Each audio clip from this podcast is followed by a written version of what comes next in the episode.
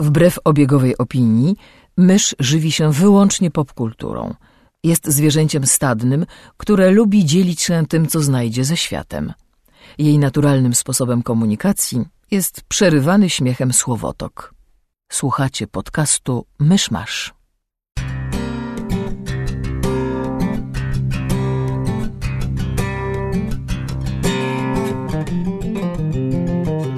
Ponieważ Krzysiek ma pustkę w głowie, miał pustkę w głowie przed nagraniem, ma pustkę w głowie po nagraniu, a ja chciałbym już iść do domu, to zapraszamy do 27 odcinka podcastu Mysz Masz.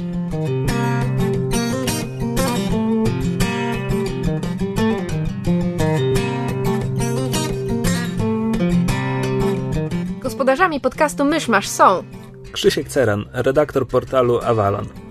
Kamil Borek ze studia Kobart. i Mysz, autorka bloga Mysza Mówi.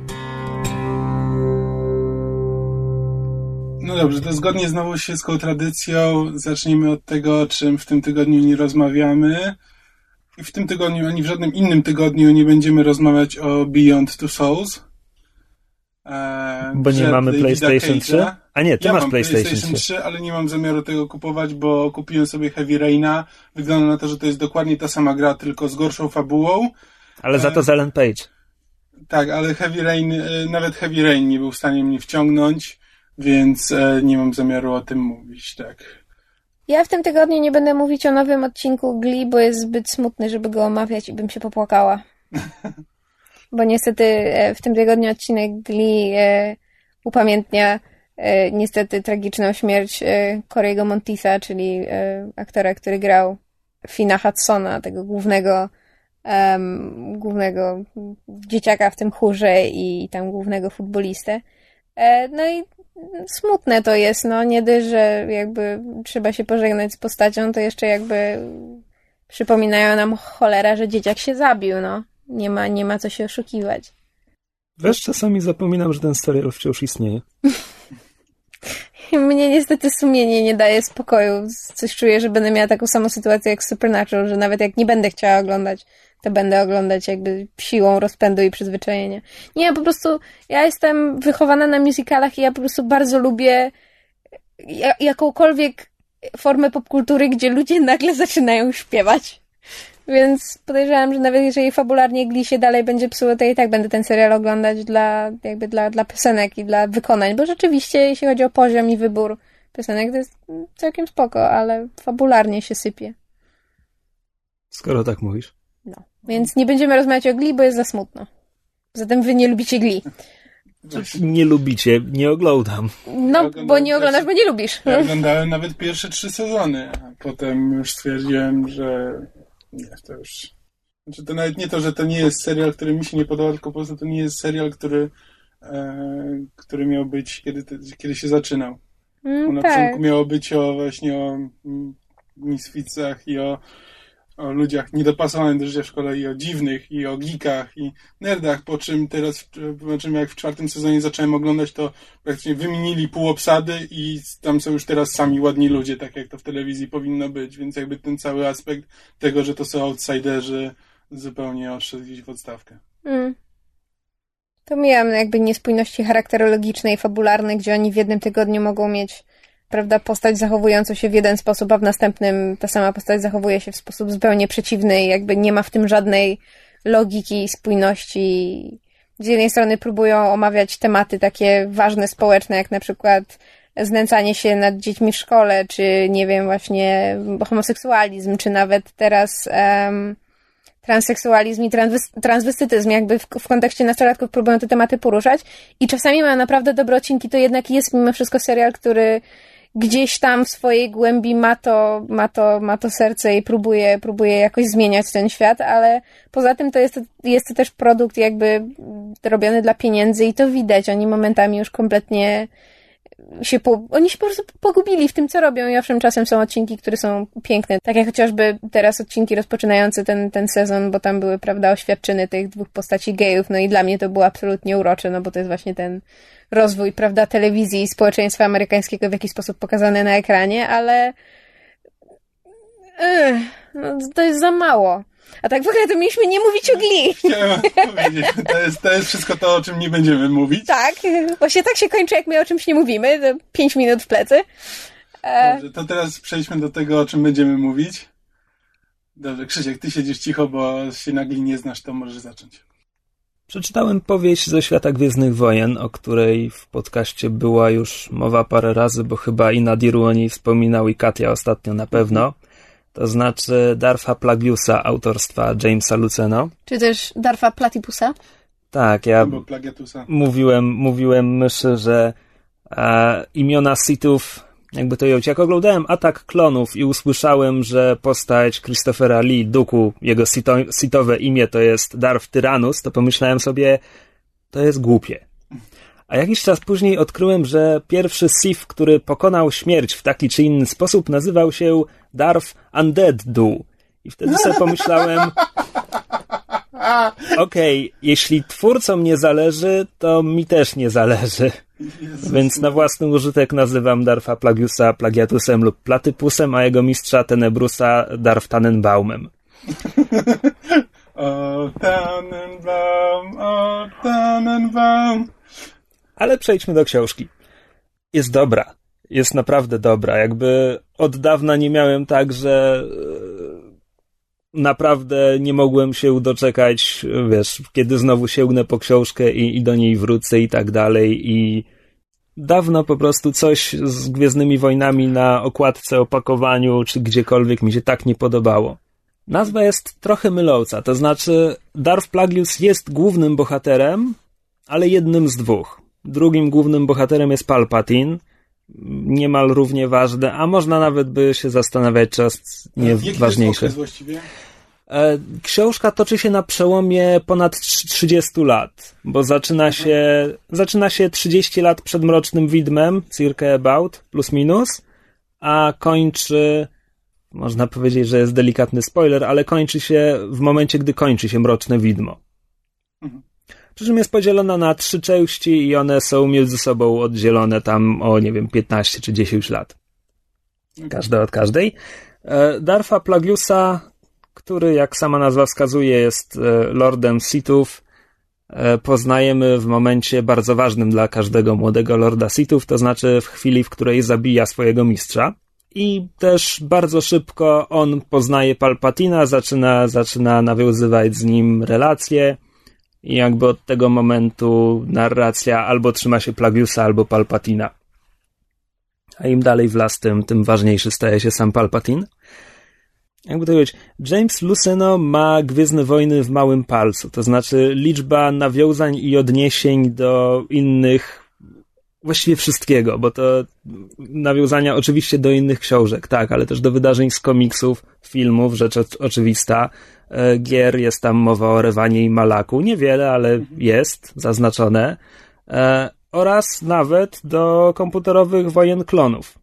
To znaczy, kiedy na scenę wchodzi Maul, to mamy powiedziane, że mały Maul ma też małego braciszka. A propos, tak jak nabijam się z imion Sithów, uwaga, brat Maula nazywa się Savage Opress. Gdzieś to już kiedyś słyszałem. Ale Za słuchaj- każdym razem jak to słyszę, to nie, y, mam wrażenie, że jest jeszcze głupsze niż poprzednim A, razem. a widzisz, bo ja jak tego, ja jak to widzę, to to jest dla mnie ten poziom, gdzie to jest już tak absurdalna głupota, że to się znowu robi fajne. Mniej więcej tak jak Kasanowa Frankenstein w Mystery Main. Także Savage Opress jakby spoko. Właśnie bez względu, bo jeszcze na przykład właśnie w, w Kotorze no to Rewan i Malak. Wiesz, nic nieznaczące imiona. Darf, Darf Rewan, Darf Malak. I czemu nie można się tego trzymać, tylko ludzie próbują na siłę wcisnąć tam zły, zły omus Morderus. No, come on. No Mówię, jak zobaczę kiedyś Darfa Velociraptora, to już zwątpię, ale...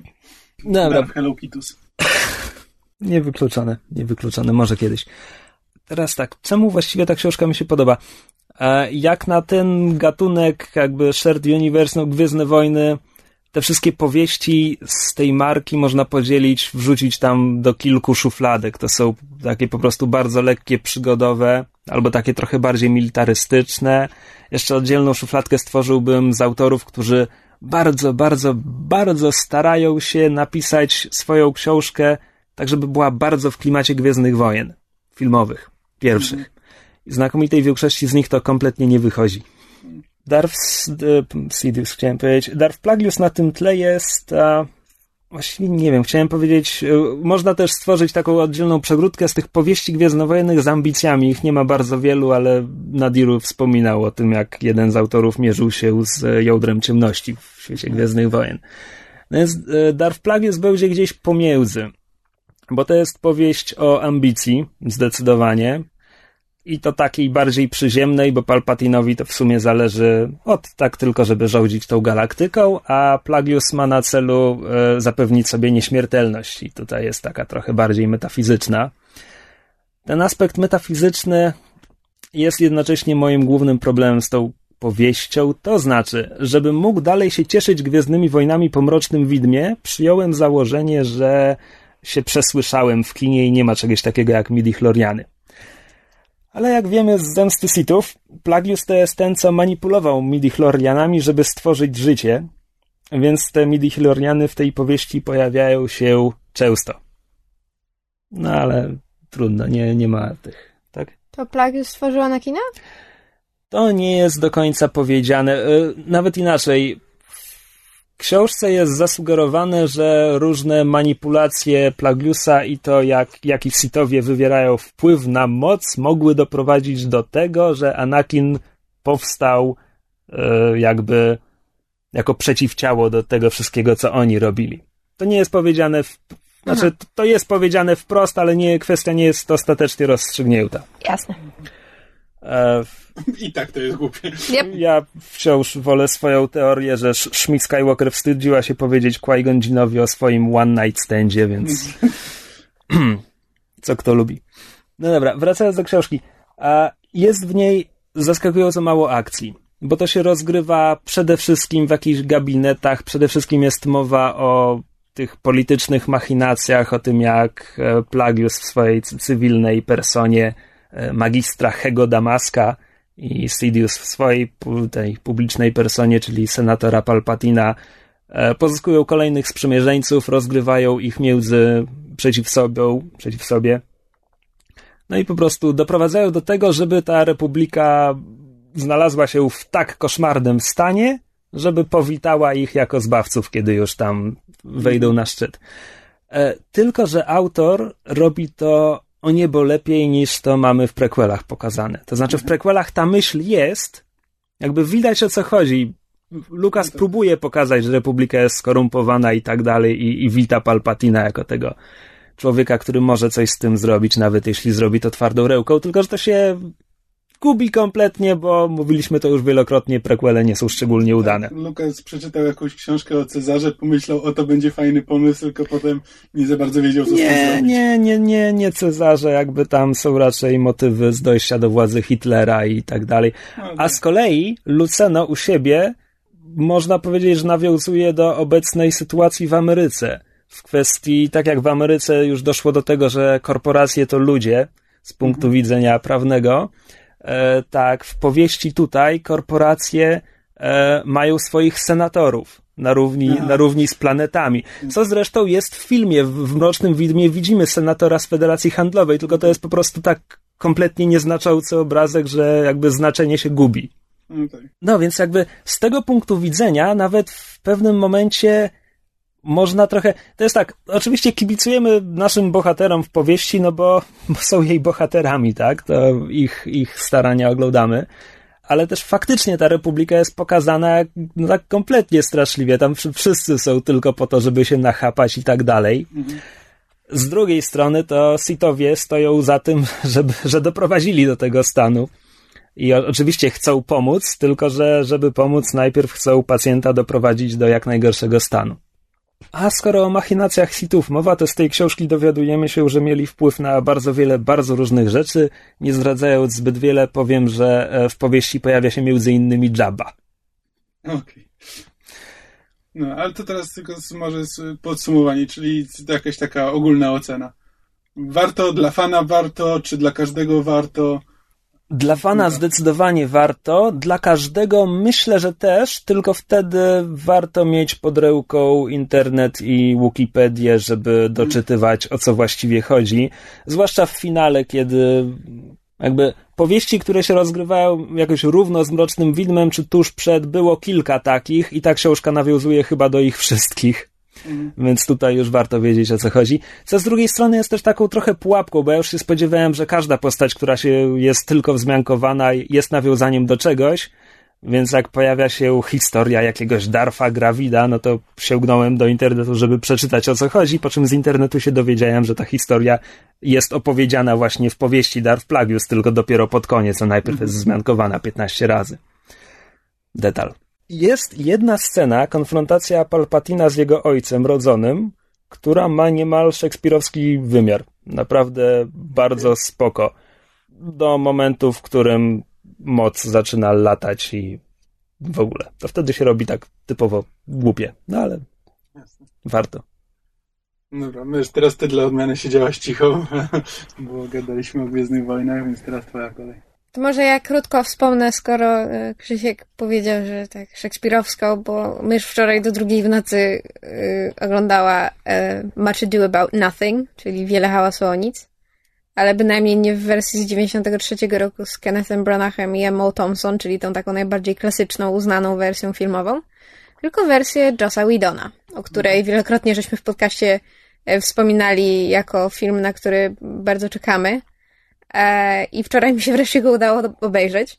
E, I muszę powiedzieć, że jestem szczerze zachwycona. To znaczy, jest to jeden z niewielu filmów w tym roku, na który bardzo czekałam i który w żaden sposób mnie nie zawiódł. Absolutnie w żaden. Wszystko było dokładnie tak, jak sobie mogłam wymarzyć, było świetnie zrobione. Jakby to opisać? Znaczy, nie będę streszczać fabuły, e, jeżeli ktoś nie zna fabuły Wiele Chaosu o nic, to po prostu powinien to w tym momencie jak najszybciej nadrobić, obejrzeć którąś z ekranizacji albo przeczytać sztukę. To naprawdę w tym momencie dla mnie osobiście to jest nieistotne, w jaki sposób poznaje się Szekspira. Ważne, żeby jakąś tam jednak znajomość mieć.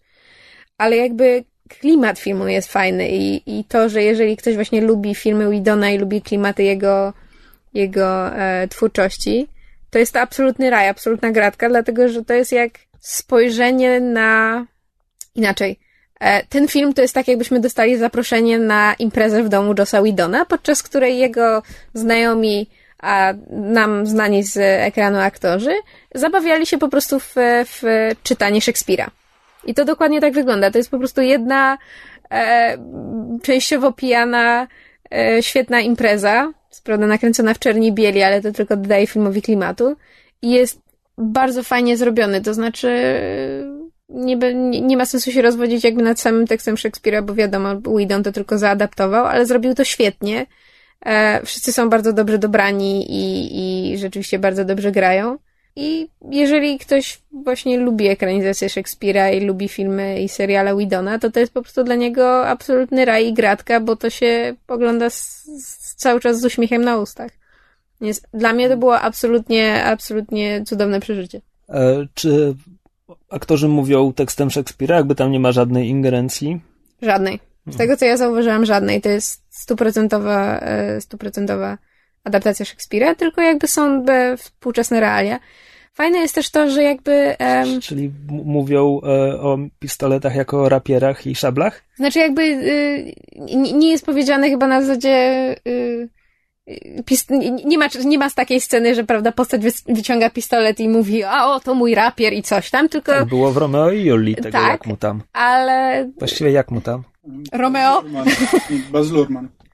A, to a, wiele tak. wyjaśnia. Baz Luhrmana, tak, ale za to e, e, tam na tych pistoletach, nie wiem czy zauważyłeś, było, było tak. wygrawerowane na przykład, że on się tam nazywał per znaczy, rapier. Kamera przejeżdża po tych napisach, to tak. nie jest szczegół dla spostrzegawczego widza. E, w każdym razie, znaczy są sceny, w których rzeczywiście, tfu. E, owszem, w wersji Widona są, pojawiają się pistolety zamiast e, broni białej, ale jakby jedyne fragmenty tekstu, które się do broni odnoszą są na zasadzie, że na przykład mam ją przy boku, albo że wyzywam cię na pojedynek.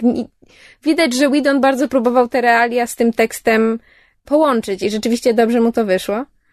Um, muzyka jest bardzo fajna. To jest e, jeden z chyba pierwszych Tak, to jest chyba pierwszy raz, kiedy Whedon e, w 100% sam e, skomponował i opracował muzykę do tego filmu. Znaczy w ogóle do, do, do jakiegoś swojego dzieła. Pierwszy? Pierwszy przypadek? Absolutnie pierwszy? Mm, A, znaczy, Nigdy- Horrible nigdy wcześniej? Blog. Ale w sensie, no, Doctor, Doctor's Horrible, e, Doctor Horribles to jest e, miniserial internetowy, to nie jest film. W sensie to jest film, do którego, No, ale też Whedon nie nakręcił aż tyle filmów. nie no tak, ale ja mówię, co internet mi powiedział. Okej.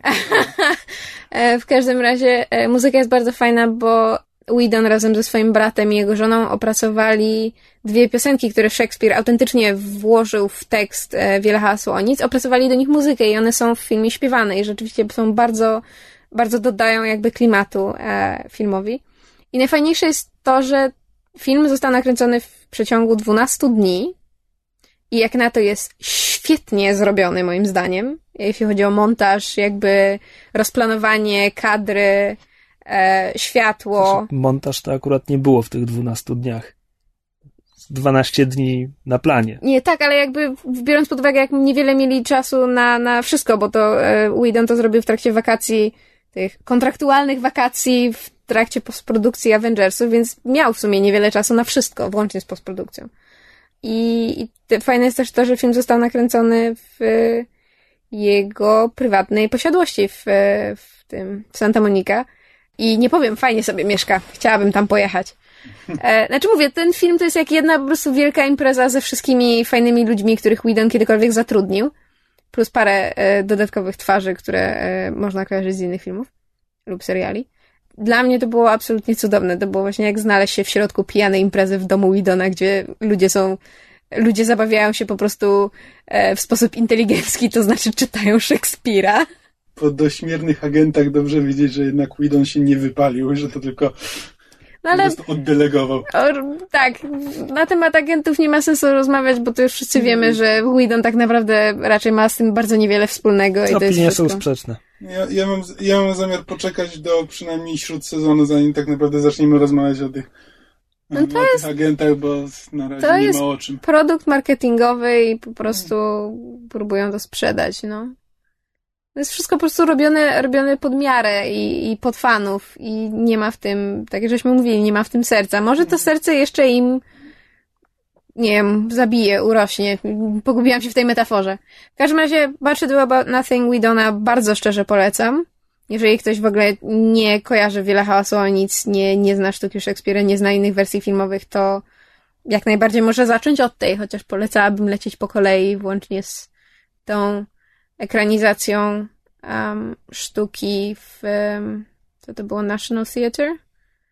E, gdzie dwie główne role grają David Tennant i Catherine Tate. Jeżeli ktoś jest fanem Doctor Who, to jest też wersja z nimi. Wiele hałasu o nic, którą można obejrzeć. Polecam swoją drogą. E, no i to by było tyle ode mnie. Chwilowa. No dobrze, to ja w takim razie postaram się szybko powiedzieć. e, Wykupiłem pakiet Comics Rage. Czyli to jest akcja, która wyrosła na popularności Book Rage, które z kolei wyrosły na popularności Humble Bundle.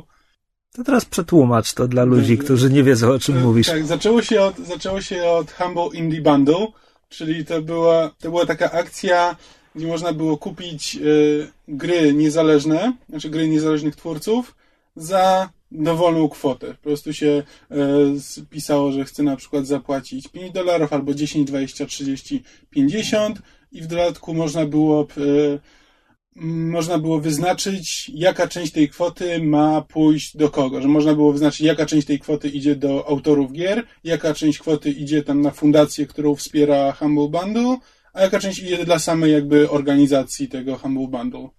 Dla samej, dla samej firmy, która to organizuje. I potem jakby w Polsce powstało Book Rage, które dokładnie tak samo działa, tylko że sprzedaje książki. Znaczy pakiet książek, bo tu E, chodzi o no to, tak, że to jest w książek. pakietach. Tak, to jest zawsze w pakietach. E, Że po prostu się, dostaje się tam zazwyczaj nie pięć czy około tego książek. No I tak mówimy o e-bookach, prawda? Tak, e-booków, e-booków. No i teraz ktoś postanowił, że w takim razie spróbuje polskie komiksy w ten sposób sprzedawać. E, No i właśnie powstało Comics Rage. No i można kupić cztery komiksy, plus piąty się dostaje, jeśli się przekroczy e, cenę, e, średnią cenę zapłaconą, która tam w tym momencie jest tam na poziomie 5-6 dolarów. Ja na razie, ja postanowiłem, że sobie spróbuję, że po prostu chcę zobaczyć o co chodzi, bo nie mam za dużo kontaktu z polskim komiksem, więc na razie zapłaciłem dolara z myślą, że jeśli spodobają mi się komiksy, to zapłacę jeszcze znowu te tam pięć czy może więcej, w zależności od tego jak mi się spodoba, żeby przeczytać ten piąty. I jak na razie przeczytałem dwa komiksy z czterech. Jeden nazywa się Śmiercionośni, drugi nazywa się Projekt Człowiek. Zacząłem od Śmiercionośnych i to z y, autorem komiksu jest Łukasz Ryłko. Jak na razie oba komiksy są e, z gatunku tych natchnionych. To nie jest komiks o, superbohaterski, to nie jest jakiś, e, to nie jest, to nie jest tam sobie jakaś obowiązka, tylko to są oba to są komiksy, które się silą na e, jakąś tam głębię. Z twojego doboru słów wnoszę, że nie jesteś zachwycony. Inaczej, tak, ci śmiercionośni są dziwni, ale całkiem fajni. E, to jest komiks, który tam ma 97 stron i jest praktycznie bez słów. A sama historia właściwie diabli wiedzą czym jest, e, bo to są takie bardzo, bardzo surrealistyczne, jest kilka chyba historii połączonych jakby w taką jedną całość, że one się tam trochę przeplatają i one są tak ogólnie na temat śmierci, czasami trochę radzenia sobie ze śmiercią, reakcjami na śmierć, ale to wszystko jest na tyle surrealistyczne, że właściwie ciężko powiedzieć, o czym to jest i właściwie co się dzieje, że tam jest coś się pod tym kryje, ale nie za bardzo poza autorem, to ciężko jest stwierdzić co. E, ale, ale jest całkiem ładnie narysowany, ma interesującą kreskę, może nie najładniejszą, jaką widziałem, ale na tyle, na tyle ciekawą, że przyciąga wzrok. I to się akurat fajnie, całkiem fajnie oglądało. Po czym e, obejrzałem komiks e, Projekt Człowiek i to już jest e, jak dla mnie najgorszych lotów coś ala, coś ala jakaś studencka, studencka historyjka. Ona opowiada o kobiecie w ciąży. Mam wrażenie, że po prostu czytam Mary Sue. A, słyszałem o tym. Że to jest po prostu kobieta, która, której się wydaje, że jej ciąża jest najciekawszą rzeczą na świecie i postanowiła o tym zrobić, e, zrobić komiks. To jest autorem. Endo. No właśnie chciałem cię zapytać, czy to jest Endo. To jest, to jest Endo. Ja strasznie lubię jej rysunki, ale... Na koszulkach? Tak, ona swego czasu zaczyna jako e, grafik dla Wysokich Obcasów, kiedy jeszcze Wysokie Obcasy były gazetką dołączaną do Gazety Wyborczej, a nie oddzielnym magazynem. Wciąż są dołączane oddzielny magazyn, te Wysokie Obcasy Ekstra. A. Portalnik. No, bardzo możliwe. W każdym razie ja częściej widuję Wysokie obca Obcasy Ekstra niż to dołączane do gazety, ale pamiętam, kiedy Endo zaczynała właśnie w Wysokich Obcasach. Ja w tym momencie nie pamiętam, jak wyglądają te jej obrazki, które one tam się robiły. No są bardzo popartowe i graficzne. No właśnie, komiks też jest taki popartowy, tylko, że jest jakiś taki nieostry, jest te, te krawędzie, krawędzie są jakby nieostre, jest takie kęciaste i wygląda po prostu brzydko. W dodatku czcionka wygląda jakby była na dosowym komputerze z lat 80. Ona ma taki styl, to też jest. Aha, no właśnie się zastanawiałem. To, to jest wszystko spójne, tak. Tylko, że to jest brzydkie. To jest po prostu, nie wiem, ja to, ja oglądałem i mi się to zupełnie nie podobało. Tam w którymś momencie się przyzwyczaiłem, ale to jest takie, to jest po prostu osoba, tak jak mówię, to jest po prostu kobieta, której się wydaje, że jej ciąża jest najciekawszą rzeczą na świecie. I być może dla kogoś, kto jakby, kto przez to... Jest w ciąży. Jest, czy tak, jest w tym momencie w ciąży, czy wie dokładnie o czym mówi, może to będzie jakoś interesujące, ale to jest takie, takie ogólne, bardzo, e, bardzo patetyczne, pretensjonalne rozważania na temat właśnie tego, co przechodzi osoba w ciąży i jej relacjach z otoczeniem i... Osoba w ciąży. Mamy XXI wiek, równość, panie. Strasznie mi się podoba, że próbujemy być tak strasznie tolerancyjni. To nie było świadome, to nie znaczy... był świadomy wybór słów. Po, czyli strony... rozumiem, podsumowanie tego komiksu jest takie, że Kamil nie jest kobietą w ciąży. Tak jakby właśnie o to chodzi, że jakby ja z perspektywy osoby, która nie jest, która nie, która nie przeszła dokładnie tego, co autorka, nie ma dla mnie w tym komiksie nic interesującego. I właśnie i o to chodzi, że on nie opowiada o niczym, o niczym ponad to, ponad tą podstawową warstwę historii, nie ma tam nic ciekawego.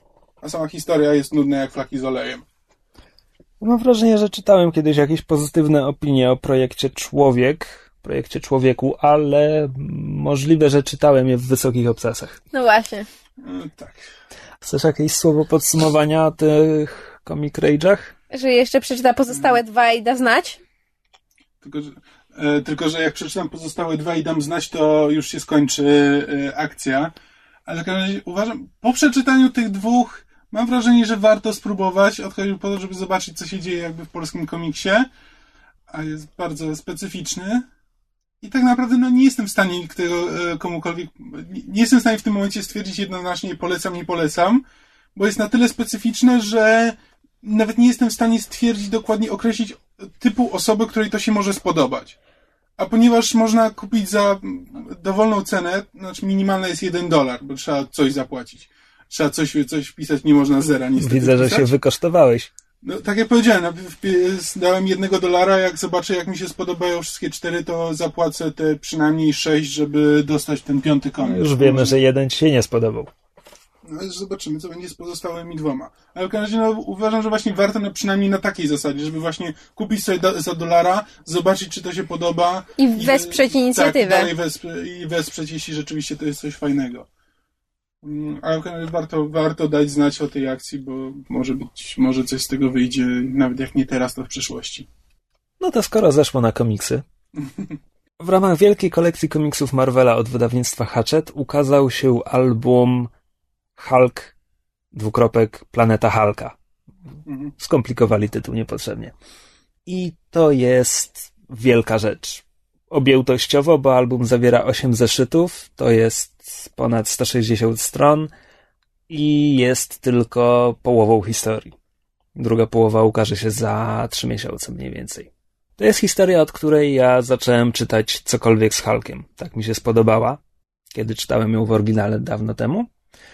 A zaczyna się bardzo prosto. E, Grupka ziemskich bohaterów stwierdziła, że Hulk w sumie jest fajny, ale za dużo, za dużo szkód powoduje i trzeba się przygotować na to, że kiedyś doprowadzi do czegoś bardzo strasznego i dlatego wystrzelili go w kosmos. Komiks zaczyna się, gdy Hulk dryfuje w rakiecie w kosmosie e, i zamiast trafić na zieloną planetę pełną ten zwierzyny łownej i pięknych plaż i czegokolwiek, zaczyna się wściekać, miotać po statku i statek zbacza z kursu i rozbija się na planecie Sakar. A dalej zaczyna się Conan Barbarzyńca w kosmosie, ewentualnie Gladiator. E, Sakar jest zamieszkany, na Sakarze Hulk po rozbiciu się jest, jest na tyle osłabiony, że tam poważną krzywdę mogą mu zrobić niektórzy mieszkańcy planety. Hulk zostaje niewolnikiem, od razu trafia na arenę, na arenie po prostu z niewolnika na arenie przeistacza się w gladiatora, a potem pojawia się kwestia buntu, walki o wolność i przyszłość planety. Brzmi to banalnie i w sumie jest, bo wszystkie te klocki, z których skonstruowana jest opowieść, widzieliśmy już wielokrotnie, tak jak mówię, Conan, Gladiator i tak dalej. Ale tak jak to mówiłeś ostatnim razem o Breaking Bad, nie chodzi o to, o czym jest ta historia, tylko tak, jak jest opowiedziana. Nie mówię, że Planeta Halka jest tak dobra jak Breaking Bad, bo nie oglądałem Breaking Bad, ale Planeta Halka jest bardzo fajna. Przede wszystkim ten świat jest bardzo ładnie nakreślony. To nie jest tylko kolejna obca planeta i kolejni kosmici, tylko autor ma miejsce, mówię, to, to jest dość długa historia, e, ma miejsce i dobrze je wykorzystuje, dobrze, dobrze nakreśla świat, tam są e, na Sakarze jest kilka inteligentnych ras, Głównym ciałem politycznym jest imperium, w którym elitą jest jedna z tych ras, więc oczywiście oni mają lepiej, więc tam te inne rasy trochę, trochę prędzej się podrywają do tej rebelii. Z drugiej strony władca jest draniem, więc szybko, szybko przeciw niemu stają inni. Więc tło jest ładnie nakreślone, do tego bohaterowie są super. Tam Hulk szybko, szybko trafia na sprzymierzeńców, Niektórzy są z Sakaru, inni też trafili tam przez przypadek z jakichś, jakichś innych miejsc w kosmosie. To jest też dość zabawne połączenie tej historii z większym światem Marvela, bo jednym z tych sprzymierzeńców jest e, kamienny człowiek, który był jednym z anonimowych przeciwników Tora w jakimś pojedynczym komiksie z lat 60. Autor sobie znalazł i pomyślał, okej, biorę go. E, inną jest e, bezimienna z roju Brud. Brud to jest taka marvelowska podróbka ksenomorfów z cyklu filmowego Obcy. E, I to taka bardzo, bardzo chamska podróbka. Mhm. I tychże brud wytełpili albo X-Meni, albo Miss Marvel, nie pamiętam. W każdym razie widzimy retrospekcję z tego, tylko że nie widzimy sprawcy, tego ziemskiego bohatera, który ich tełpi. E, dlatego nie pamiętam o kim mowa. E, pojawia się również Silver Surfer w dość zaskakującym występie gościnnym. Nie pojawia się za to Dr. Banner. Hulk na, po, na początku jeszcze ma tę swoją obsesję i tam narzeka na ludzi ogólnie i Bannera w szczególności, więc ktoś go pyta, ale o kim ty właściwie mówisz? Na co Hulk odpowiada, Banner, nie zobaczysz go, nie przetrwałby na tej planecie minuty. I Hulk dotrzymuje słowa i to jest jego opowieść. Tutaj jakby jego ludzkie, ludzka strona jego osobowości nie ma nic do powiedzenia. Postaci są fajnie nakreślone, e, całość jest bardzo ładnie narysowana. Takie, to jest taki bardzo komiksowy styl, ale się sprawdza. Jest dwóch rysowników. Nie, no co ty. Komiksowy styl w komiksie? No dobrze, nie jest hiperrealistyczny, ale nie jest też kreskówkowy. Jest tak bardzo pomiędzy. Mhm. Tak? Autorami, tak, autorem scenariusza jest Greg Pak i Planeta Halka to jest najlepsze, co on napisał dla Marvela. Amerykańska krytyka może stawiać za przykład coś, co się nazywa Magneto Testament i opowiada o dzieciństwie Magneto, ale to jest coś tak strasznie tendencyjnego i po prostu autor obejrzał listę Schindlera i pomyślał, ja też tak potrafię. I to jest Magneto Testament, niestety. A rysownikami jest dwóch rysowników. Większość tego albumu narysował Carlo Pagulayan, o ile nie przekręciłem nazwiska. E, do tego jeszcze, nie wiem, czy kilka zeszytów, czy, czy pojedyncze strony, nie pamiętam jaki jest podział, Aaron Lopresti. E, w drugim albumie chyba się te proporcje wyrównają. Nie ma tam ambicji, wszystko widzieliśmy. Można by na przykład, można by się na przykład przyczepić do tego złego władcy, bo to jest taki zły władca, bardzo podręcznikowy, zadufany w sobie, dumny, arogancki, zaczyna eliminować podwładnych na lewo i prawo, gdy zaczynają go rozsorowywać. Ale znowu, gdyby to była gra o tron, to byłby zarzut. To jest Conan. To w tej konwencji sprawdza się znakomicie. E, no a Hulk wracają motywy bardzo stare motywy dla tej postaci, czy Hulk to jest potwór, czy bohater. Ludność Sakaru zaczyna widzieć w nim bohatera, on się tak naprawdę tego boi, bo zazwyczaj jak pomagał ludziom, to jak już im pomógł, to potem ludzie obracali się przeciw niemu, więc jest przekonany, że to się powtórzy tutaj.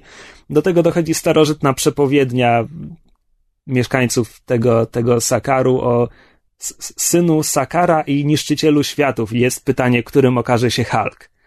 Na to pytanie nie poznamy odpowiedzi, bo słowo się rzekło, to jest pierwsza połowa historii, druga połowa chyba na początku przyszłego roku się ukaże. W każdym razie bardzo polecam, nie tylko fanom postaci, mówię, to, to była pierwsza historia z Hulkiem, ja którą przeczytałem. Ty mi kiedyś opowiadałeś o tym i jak mi o tym opowiadałeś, to też byłem zainteresowany i nawet chciałem to przeczytać, więc pewnie będę to od ciebie pożyczał. Wciąż jest w kioskach. Nie jesteś aż tak zainteresowany? To w takim razie ja bym chciała jeszcze wspomnieć o paru serialach, ponieważ w tym tygodniu powróciły długo przeze mnie oczekiwane e, Supernatural z dziewiątym sezonem. Oj wej. I muszę powiedzieć, że jestem dość miło zaskoczona tym powrotem Supernatural, a z drugiej strony zawiedziona, ponieważ i tutaj spoilery, e, jeżeli ktoś nie oglądał, to najlepiej przewinąć. W odcinku pojawia się gościnnie Tahmot Pennyket, z Battlestara chociażby i z Dollhouse'a i z paru innych seriali. W roli anioła Ezekiela, który pomaga Dinowi uratować sama, bo sam umiera. Tan, tan, tan. Po raz, Który to już raz? Właśnie chciałam powiedzieć, po raz piętnasty.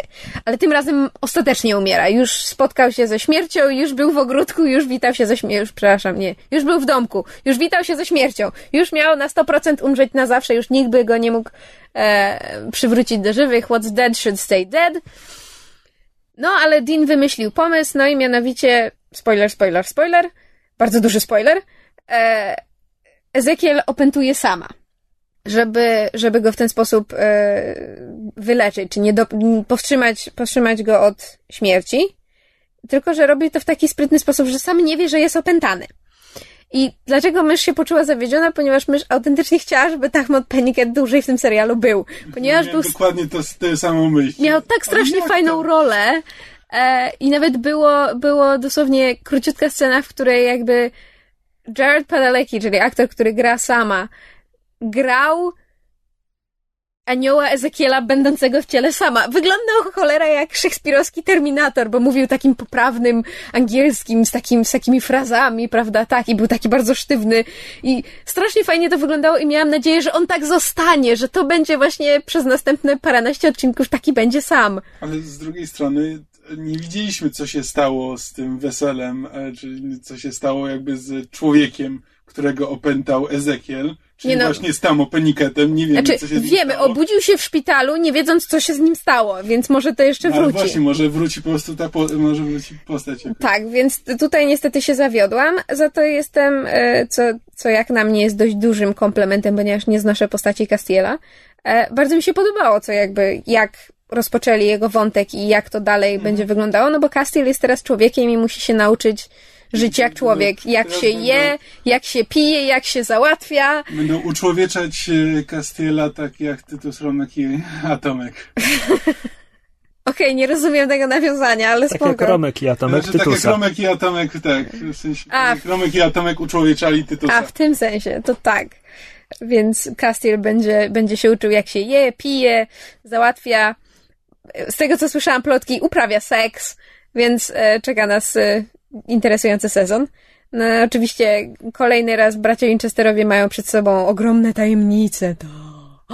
Więc to się pewnie jeszcze będzie rozwiązywało. No jest jeszcze kwestia e, Crowleya, którego Dean ma zamkniętego w bagażniku. Więc mam nadzieję, że to się jakoś rozwinie. E, I muszę powiedzieć, że jak na 9 sezonów z bardzo dużymi spadkami po drodze, zwłaszcza w ciągu ostatnich dwóch, trzech sezonów, to ten sezon daje jakieś nadzieje, że może to się jeszcze da sensownie utrzymać. Tak, że to jest, też jakby oglądałem ten odcinek i tak miałem wrażenie, że jeśli że jakby po raz pierwszy tak naprawdę mam wrażenie, że ten serial po poprzednim sezonie nie olał tego, czym się skończył, tylko rzeczywiście postanowił to doprowadzić, to jakoś konsekwentnie prowadzić dalej. Bo zazwyczaj to nawet jeśli był jakiś finał, to w pierwszym odcinku następnego sezonu już to rozwiązywali i dalej było po prostu już tam Tak, jakiś albo nowy było- wątek. Pół roku później, bo tak. Dokładnie, więc tutaj jakoś prowadzą to w miarę konsekwentnie i ma szansę to jakieś wetchnąć nowe życie w ten serial. Tak, właśnie wygląda jakby złapał kolejny z wielu oddechów, ale no zobaczymy, czy tego nie spieprzą. Mają szansę. E, drugi serial, który powrócił, na który się bardzo cieszyłam i tutaj akurat się bardziej zawiodłam, ale o tym za moment, to American Horror Story, produkt Ryana Murphy'ego, czyli pana od Glee. E, I American Horror Story, jeżeli niektórzy słuchacze nie wiedzą, to jest taki e, horrorowy serial, który w każdym sezonie ma inną konwencję. To znaczy, pierwszy sezon e, dział się w jakby nawiedzonym domu i, i wokół niego się skupiali bohaterowie. Drugi sezon z podtytułem Asylum dział się w zakładzie dla psychicznie chorych i wokół tego się jakby kręciła e, cała straszna akcja. A trzeci sezon ma podtytuł Coven i jest o czarownicach i dzieje się właśnie w e, szkole dla utalentowanych młodych panien. Ja mam tutaj bardzo silne odniesienia do X-Menów i szkoły Xaviera dla utalentowanej młodzieży. E, I akcja dzieje się w Nowym Orleanie, są flashbacki do, do jakby do tam XVIII wieku. E, są też wspominane, są też wspominane i będą przebłyski na ten, na palenie czarownic w Salem. E, I ja muszę powiedzieć, że jestem wielką fanką tego, co Ryan Murphy robi w American Horror Story i bardzo mi smutno, że ten serial jest tak strasznie niedoceniany ze względu na to, że jest horrorem i jakby ten gatunek, zwłaszcza w, e, jakby w kontekście seriali jest bardzo mało w ogóle eksploatowany i rozpoznawany i nagradzany. Ale muszę powiedzieć, że może miałam za duże oczekiwania względem tego sezonu, bo bardzo lubię tematykę właśnie czarów i wiedźm, ale troszeczkę się zawiodłam na tym pilocie. To znaczy, w poprzednich dwóch sezonach Murphy był w stanie rzeczywiście złapać widza za gardło, nim potrząsnąć i, i złapać na kolejne 12 odcinków, bo chyba tyle mają, e, tyle odcinków ma American Horror Story. A tutaj przy tym e, Coven jakoś to było wszystko troszkę rozmyte. Co prawda Murphy odgrażał się, że wszyscy tak strasznie narzekają, że American Horror Story jest zbyt straszne. Well, hello. słowo horror w tytule do czegoś zobowiązuje, więc obiecał, że trzeci sezon będzie troszkę lżejszy i będzie miał więcej takiego jakby poczucia humoru i takiej troszkę, nie wiem, sardonicznej groteski, czy jak tego nie nazwać, ale czegoś mi w tym pilocie zabrakło. Przeczytałam spoilery, co się będzie dalej działo z konkretnymi postaciami i będzie się działo bardzo dużo i bardzo dużo dobrego, w sensie bardzo dużo ciekawych fabularnie rzeczy się będzie działo, więc jak najbardziej będę oglądać dalej i w ogóle polecam ten serial, jeżeli ktoś nie jest jakoś strasznie strachliwy, bo ja go nie mogę oglądać w nocy, bo, bo się boję, muszę oglądać go w dzień, przy włączonym świetle. to jeżeli ktoś lubi horrory, to, to rzeczywiście go polecam, poza tym to jest wizualnie bardzo, bardzo dobry serial i aktorsko.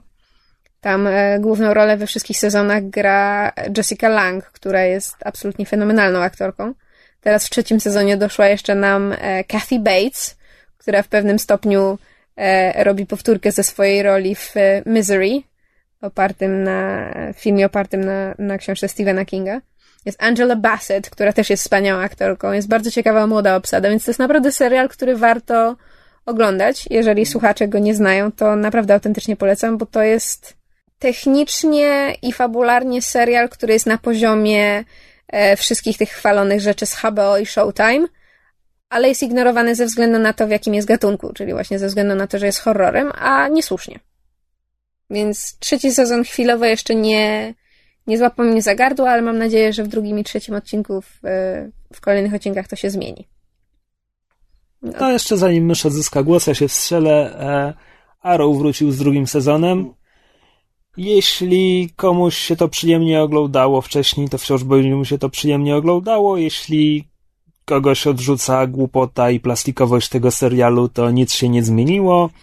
Mm. Tak, ale jak do tego serialu, moim zdaniem, ten pierwszy, pierwszy odcinek jest bardzo, bardzo dobrym wejściem. Tak, i... jak, jak dla Arrowa, to, to był udany odcinek. I daje, co... I daje szansę na to, że będzie ciekawie dalej w ciągu sezonu. To prawda. Co prawda, komplikacje na wyspie są tak kompletnie znikąd i nie wiadomo o co chodzi, że nie wiem, czy twórcy inspirują się zagubionymi, ale podejrzewam, że jeśli serial dotrze do piątego sezonu, to w retrospekcjach na wyspie zobaczymy dinozaury albo pingwina.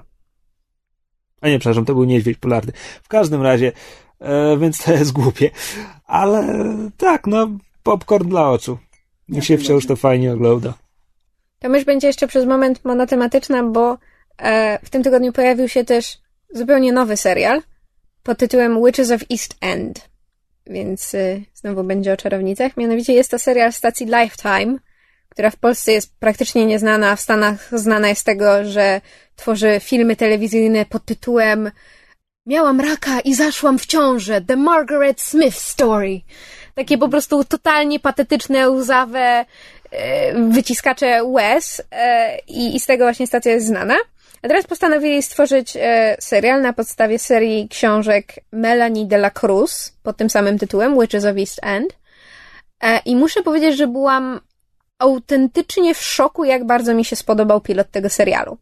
Nie spodziewałam się nic dobrego, spodziewałam się po prostu sztampy totalnej, właśnie e, ckliwego, łzawego romansidła, a dostałam, owszem, romansidło, ale z tak luźnym i pełnym poczucia humoru podejściem do siebie. To znaczy, to jest serial, który pod względem swoich najlepszych aspektów przypomina mi stare, dobre e, Charmed, czyli po polsku tytuł był Czarodziejki. I oba te seriale właśnie mają coś takiego, że to jest owszem serial o magii, o czarnej magii, o czarownicach i o miłości i przede wszystkim o, o relacjach em, jakby rodzinno-siostrzano-matczynych, bo to się kręci wokół matki jej dwóch córek czarownic i siostry tej matki, wszystkie są czarownicami ale przy tym ma bardzo dużo luzu, właśnie bardzo dużo poczucia humoru. To nie jest serial, który bierze się zupełnie na poważnie. Ma całkiem przyzwoite efekty specjalne, fajną ścieżkę dźwiękową.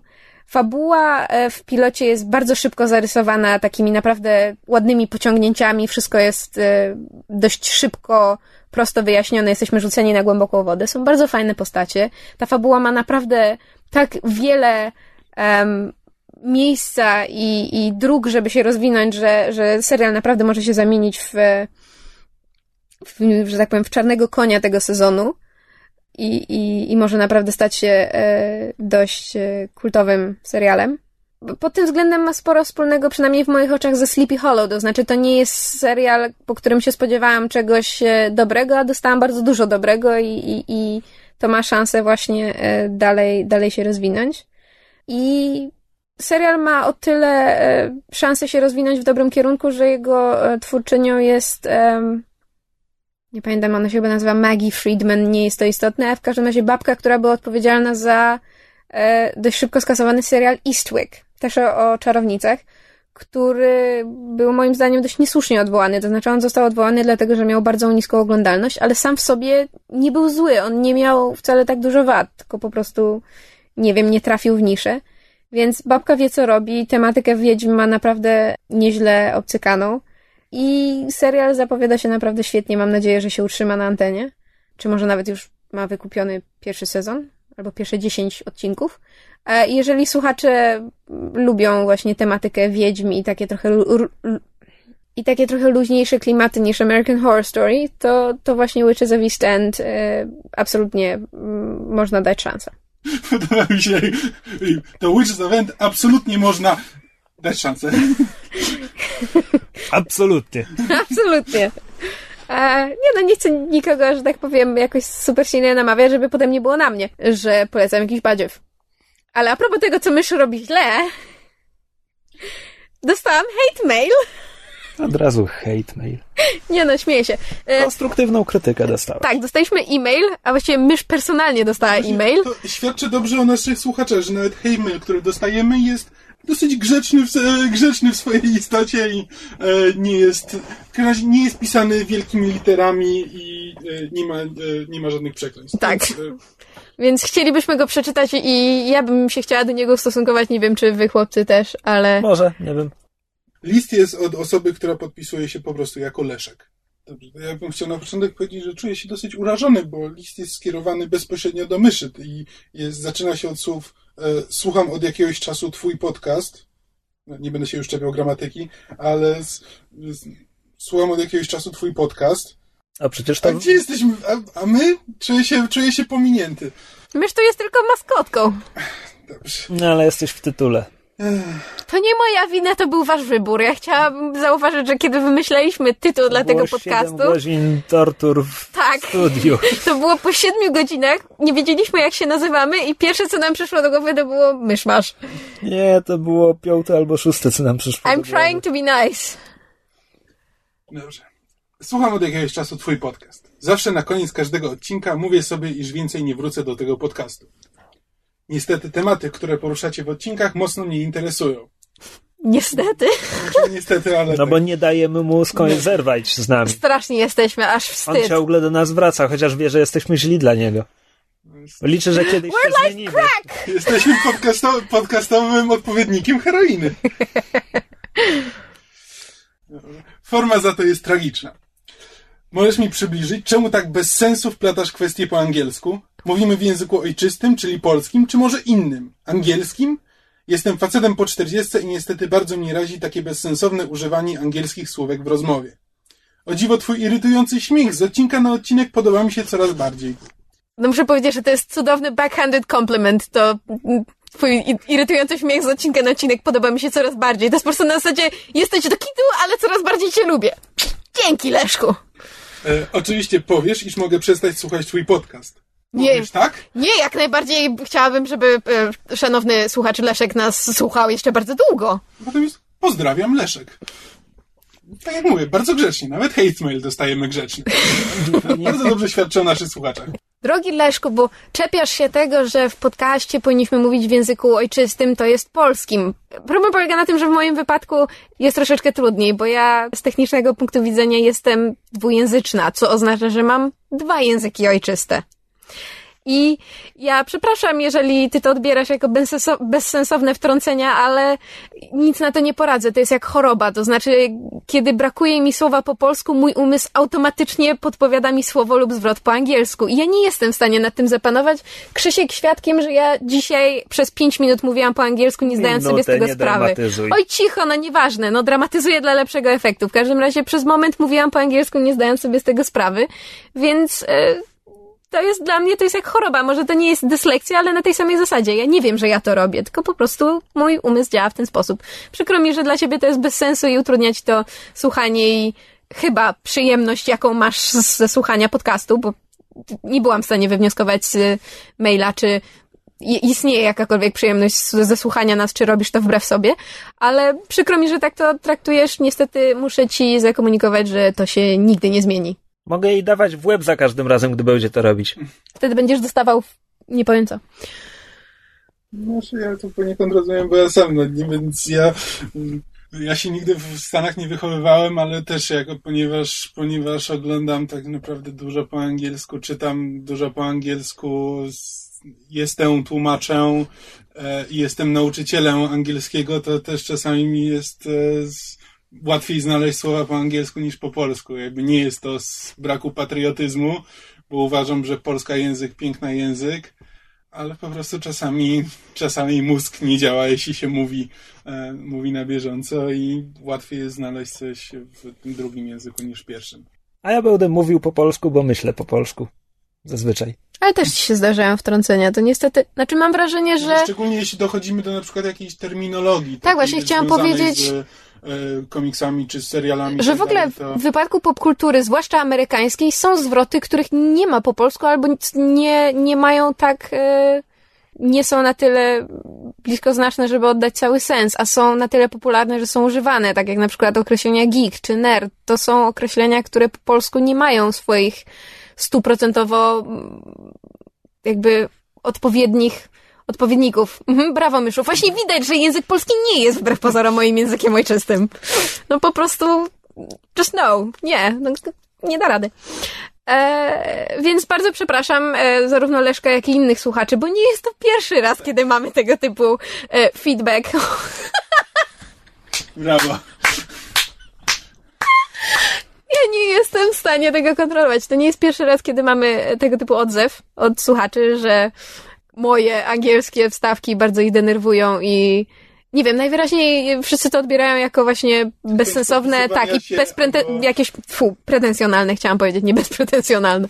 E, ale e, mówię, uprzedzam z ręką na sercu i zarzekam się, że ja tego nie robię, żeby szpanować, tylko to jest po prostu jak jak tik nerwowy, jak, jak choroba, jak dyslekcja. Ja tego nie kontroluję. Ja akurat mam tak, że też czasami, też mi się czasami zdarza wtrącić coś po angielsku, przy czym ja się potem tego wstydzę. Znaczy ja się staram mówić po polsku, tylko że czasami jest mi za trudno i przełączam się po, na angielski i wtedy mam wrażenie, że za słabo znam swój język ojczysty, więc mi jest głupio z tym. Więc przynajmniej mogę, mogę dla, mogę powiedzieć ze swojej strony, że jeśli coś rzucam po angielsku, to przynajmniej jest mi z tego powodu głupio potem. A mi... Dla pocieszenia wszystkich tych, którzy mają z tym problem. A mi nie jest. Ha. Sorry. A na swoim irytującym śmiechem mogę spróbować popracować, ale nie gwarantuję, że to e, do jakiegoś śmiechu dojdę nie będzie jeszcze bardziej irytujące, więc tak, nic nie obiecuję. Zapraszamy do dalszego słuchania. Jeśli ktoś jeszcze ma jakieś uwagi do nas, czy do tego, jak prowadzimy, albo pochwały, żeby nas, żeby nam ego tutaj nie podupadło za bardzo. Ale wolimy krytykę, bo tak pochwał to nam nie wypada czytać. Zwłaszcza, że krytyka ostatnimi czasy dotyczy tylko mnie, to tak, bardzo lubimy krytykę. Bardzo, bardzo lubimy krytykę. Krytyka jest super. Ja rozumiem. To już widzisz, widzisz, dlaczego słuchacze personalnie piszą do mnie, bo jak wy jesteście tacy wspierający, to, to potem wychodzi na to, że ja tu jestem sama. No już, już. Gdzie z łapami? Będzie mnie głaskał pod włos. No, to czekamy, czekamy na Wasze uwagi i komentarze i słyszymy się z Wami w przyszłym tygodniu.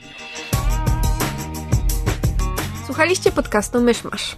Możecie nas znaleźć na myszamovie.blogspot.com oraz marvelcomics.pl. Podcast nagrany został w studiu Kobart www.kobart.pl Jeśli macie jakieś komentarze, pytania albo sugestie, jesteśmy także na Facebooku. Podcast Myszmasz dostępny jest także na iTunes. Jeśli wystawicie nam ocenę, będziemy szczęśliwi jak mangusta w terrarium.